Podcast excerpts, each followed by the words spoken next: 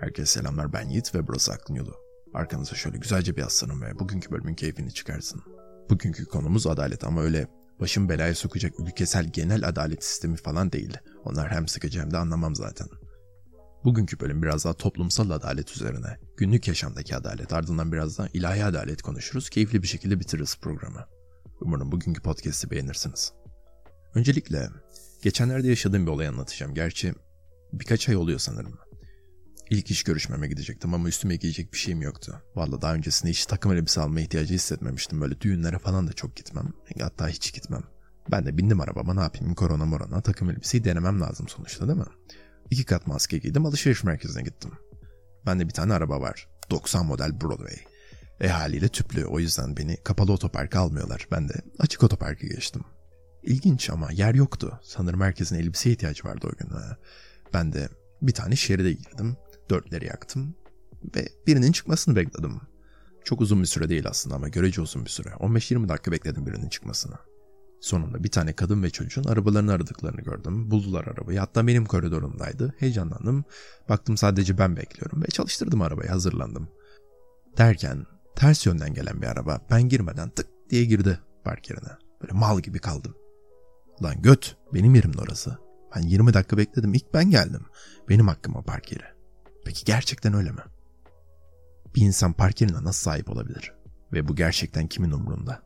Bakın stereotiplara inanmam ama benim yerimi çalan arabanın şoförü pofuduk yelek, kocaman güneş gözlü ve boyalı saçlı bir hanımefendiydi. Arabayı tahmin edin. Evet Range Rover. Neyse sonra ne yaptım biliyor musunuz? Arabadan indim hakkımı aramalıyım öyle değil mi yani sonuçta? Ben de konuşmaya çalıştım. Dedim ki hanımefendi ben burada 20 dakikadır bekliyorum sanırım beni görmediniz. Ben tam girecekken pıt diye girdiniz önümden. Ben de arabanızı çarpmamak için durdum dedim. Bunları duyunca ne yaptı biliyor musunuz? Hiçbir şey. Duymamazlıktan geldi. Arabadan indi AVM'ye doğru yürümeye devam etti. Delirdim. Delirdim ya. Peki o an ne yapabilirdim? Veya ne yapmalıydım? İçimde iğrenç bir duygu oluştu. Çok sinirlendim. Hakkımı aramalıydım, adaleti sağlamalıydım. Çünkü benim için bunu kimse yapmayacaktı. Yani Polis mi arayayım değil mi? bu adam yerimi çaldı mı diyeyim ya da bu kadın işte. Kadını mı durdurayım? Nasıl durduracağım? Dokunamam ki. Bir metre daha yaklaşamam. Vurmak dövmek gibi şeyleri zaten geçiyorum. Yanlış anlamayın. Kadın olduğu için değil. İnsan olduğu için. Ama adaletsizlik gözümü kör etti ve ben de arkasından bağırdım, çağırdım, küfür ettim sadece. Yani. Adalet denge terazisi gibidir. Bu aşikar zaten simgesi terazi öyle değil mi? İnsan zihni eşit ağırlıklardan hoşlanır, dengeyi sever. Daha doğrusu insanın medeni ve aklı başında birisi olabilmesi için iç ve dış terazilerin hep dengede olması gerekir. Eğer denge bir yerde bozulursa kişi yoldan çıkar. Bu kötü bir şey değil bu arada yanlış anlaşılmasın. Ee, sadece toplum için kabul edilemez bir hale gelir. Medeni olmaz işte benim gibi küfreder falan filan. Ve bu sadece yoldan çıkan kişi için kötü bir şeydir. Çünkü insanın topluma ihtiyacı vardır. Evet adalet de işte bu terazilerden bir tanesi. Bir dış terazi. İç adalet diye bir şey de var ama bence o biraz daha vicdan ile ilgili. O yüzden bugün ona girmeyeceğiz. Bugünkü konumuz biraz daha dış adalet. Bakın dün e, daha ilginç bir video denk geldim. Bana otopark hikayesini anımsattı. O yüzden zaten bu bölümü çekmeye karar verdim falan filan. Çok büyük ihtimalle Amerika'da. Böyle bir tane kuyruk var. Alışveriş kuyruğu gibi. insanlar bekliyor telefonlarına falan bakıyorlar. Sıkılmışlar. Videoyu çeken eleman ilk başta kuyruğu çekiyor. Sonra ön kamerayı çalıştırıyor. İlerliyor kuyruğun önüne doğru. Ve bir yere kaynak yapıyor. Hemen bir arkasında bir kadın var. İlk başta adama baktığını görüyoruz. Sonra kadın kameraya bakıyor. Hiçbir şey yapmıyor. Ama ardından diğer insanlar, daha arka sıradaki insanlar kafalarını çıkartıyorlar böyle bakıyorlar falan. Kendi aralarında konuşmaya başlıyorlar. Sonrasında iki arka sıradan bir tane kadın adama yaklaşıyor. Çünkü neden? Çünkü terazi bozuldu öyle değil mi? Bunu birinin düzeltmesi lazım. Ya işte bunu ilk deneyen kişi de iki arka sıradaki kadın. Adama yaklaşıyor işte anlatmaya başlıyor. Ne yapıyorsun birader diyor sıra var geç arkaya falan filan. Bilmiyorum biliyor musunuz ama Amerika'da özellikle bu personal space denilen olay çok ama çok ciddili bir şey. Eğer biri size bir tartışmada veya daha basitinden herhangi bir şekilde izniniz olmadan dokunursa bunun hem yasal hem de çok maddi sonuçları olabiliyor. Milyonlarca avukat var böyle timsah gibi bekliyorlar tazminat aldırmak için. Her yerde avukat reklamları var zaten. E, adam da video kaydı yaptığı için anladınız sanırım. Dokunamıyorlar tabii ki de adama. İnsanlar bağırıyor çağırıyor. I said stop the car you son of a bitch you cocksucker motherfucker falan diyorlar. Peki videoyu çeken adam ne yapıyor biliyor musunuz? Hiçbir şey. e, kendi yüzünü çekiyor, gülümsüyor ve hiçbir şey olmamış gibi dükkana giriyor. Bakın terazi bozuldu ve ağırlık adamdan yana. Peki şimdi gelin siz bu kuyruktaki insanlardan biri olun tamam mı? Gittiniz adamın yanına ne yapıyorsun birader dediniz kafaya attınız. Adamın burnu kırıldı sonra ne bileyim birkaç tane tokatladınız. Tokat manyağı yaptınız adamı. Ne oldu? Artık terazi işlendi. Adaleti sağladınız aferin.